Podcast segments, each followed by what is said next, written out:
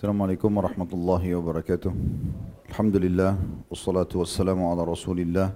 Segala puji dan puja kehadirat Allah Subhanahu wa taala juga salawat dan taslim kepada Nabi besar Muhammad sallallahu alaihi wa ala alihi wa sahbihi wasallam. Menunjukkan pada buku kita sahih ya targhib tarhib dan kita masih dalam kitab salat sunnah masih bab yang sama bab ke-9 anjuran membaca doa-doa ketika beranjak tidur dan keterangan tentang orang yang tidur namun tidak berzikir kepada Allah Subhanahu wa taala. Hadis yang ketujuh dan ini termasuk juga zikir yang ketujuh tentunya dengan sanad hasan urutan 609 dari awal belajar berbunyi dari Anas bin Malik radhiyallahu anhu. Dia berkata Rasulullah SAW bersabda man qala idza awa ila firashi barang siapa yang apabila beranjak ke tempat tidurnya membaca alhamdulillahilladzi kafani wa awani alhamdulillahilladzi at'amani wa saqani walhamdulillahilladzi manna alayya fa afdal Alhamdulillahilladzi kafani segala puji bagi Allah yang telah mencukupiku wa awani dan memberiku tempat berteduh. Alhamdulillahilladzi at'amani wa saqani segala puji bagi Allah yang telah memberiku makan dan minum. Walhamdulillahilladzi manna alayya fa afdal dan segala puji bagi Allah yang telah memberiku nikmat yang melimpah. Faqad hamidallaha bi jami'i mahamidil khalqi kullihim. Sesungguhnya dia tercatat telah memuji Allah dengan seluruh pujian yang harus diucapkan makhluk kepada Tuhannya. Diriwayatkan oleh Al-Bayhaqi dan juga dihasankan oleh Syekh Al-Bani. Dari hadis ini kita ambil pelajaran zikir yang ketujuh dari susun oleh Al-Mundiri rahimahullah adalah doa yang mulia ini. Dan langsung saja kita pecah menjadi beberapa mutiara yang bisa diambil. Mutiara yang pertama adalah potongan Alhamdulillahilladzi kafani. Segala puji bagi Allah yang telah mencukupiku. mencukupiku. Maksudnya dua, bisa bermakna jangka pendek yaitu mencukupiku pada hari ini sehingga aku tiba di malam hari dari makanan, dari oksigen, dari air dan seterusnya atau memang kita memuji Allah eh, di mana Allah telah mencukupi kita makna lebih panjang, lebih global yaitu dari awal kita diciptakan, dari awal kita lahir sampai pada malam itu. Dua-dua makna masuk dalam makna ini. Dan di sini kita meminta kepada Allah Subhanahu wa taala agar ditambahkan nikmat itu karena kita memuji dengan alhamdulillah. Mutiara yang kedua, potongan doa wa awani dan telah memberiku tempat berteduh. Ini juga sebuah nikmat yang sangat besar di saat orang bisa punya tempat untuk berteduh walaupun cuma ngontrak. Kita juga tidak asing dengan sebuah hadis Nabi sallallahu alaihi wasallam, siapa yang tiba di pagi hari, dia aman di tempat tinggalnya baik itu di rumahnya atau di kota yang dia hidup atau di negara yang dia hidup.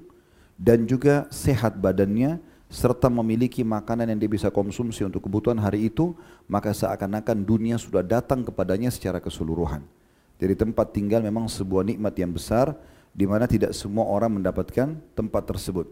Mungkin tidak asing teman-teman sering lewat di sini ada yang uh, bekerja atau mencari rezeki di depan dengan pakai pakaian badut misalnya saya kalau subuh jalan dari rumah ke musola ini, uh, saya saksikan sendiri di situ ada orang yang tidur. Dan berapa kali kita lihat ada orang tidur di emperan jalan yang tidak punya sama sekali tempat bernaung. Kalau hujan ya kehujanan, gitu kan? Atau mungkin ada mara bahaya yang bisa menimpa mereka dari orang yang tabrakan, mabuk misalnya, atau menabrak dia, atau gangguan hewan banyak sekali. Maka kita kalau punya tempat walaupun cuma kos-kosan kecil satu kamar tapi ada pintunya, ada kamar mandinya, kita bisa tidur dengan nyaman ini sebuah nikmat yang besar.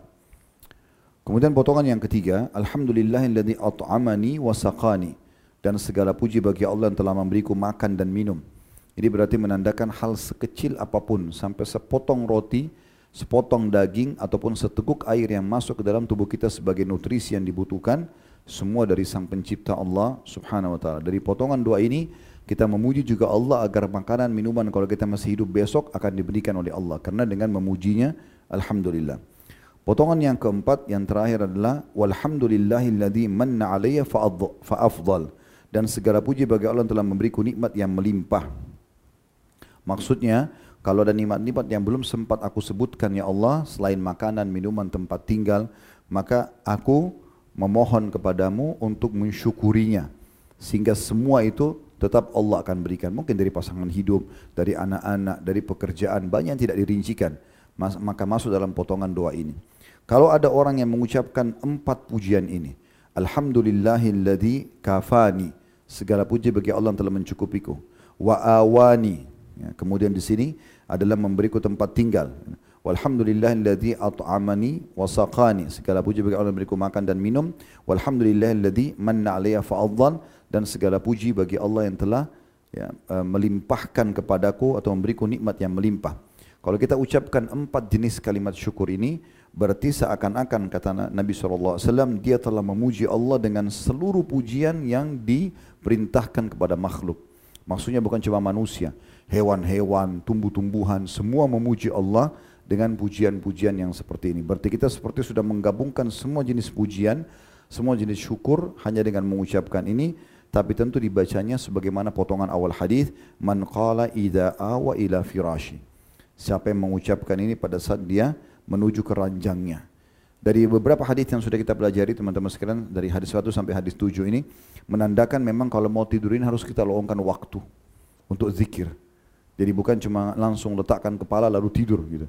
Karena memang banyak sekali keutamaan-keutamaan dari zikir-zikir ini, gitu kan? Bagaimana zikir yang pertama kita di, di, uh, akan akan di, meninggal dalam keadaan Islam, kemudian juga kita akan dipenuhi kebutuhan kalau masih hidup.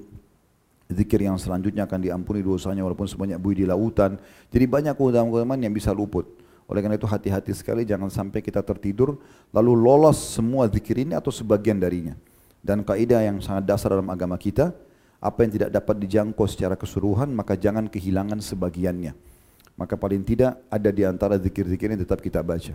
Semua bermanfaat. Subhanakallah wa bihamdika.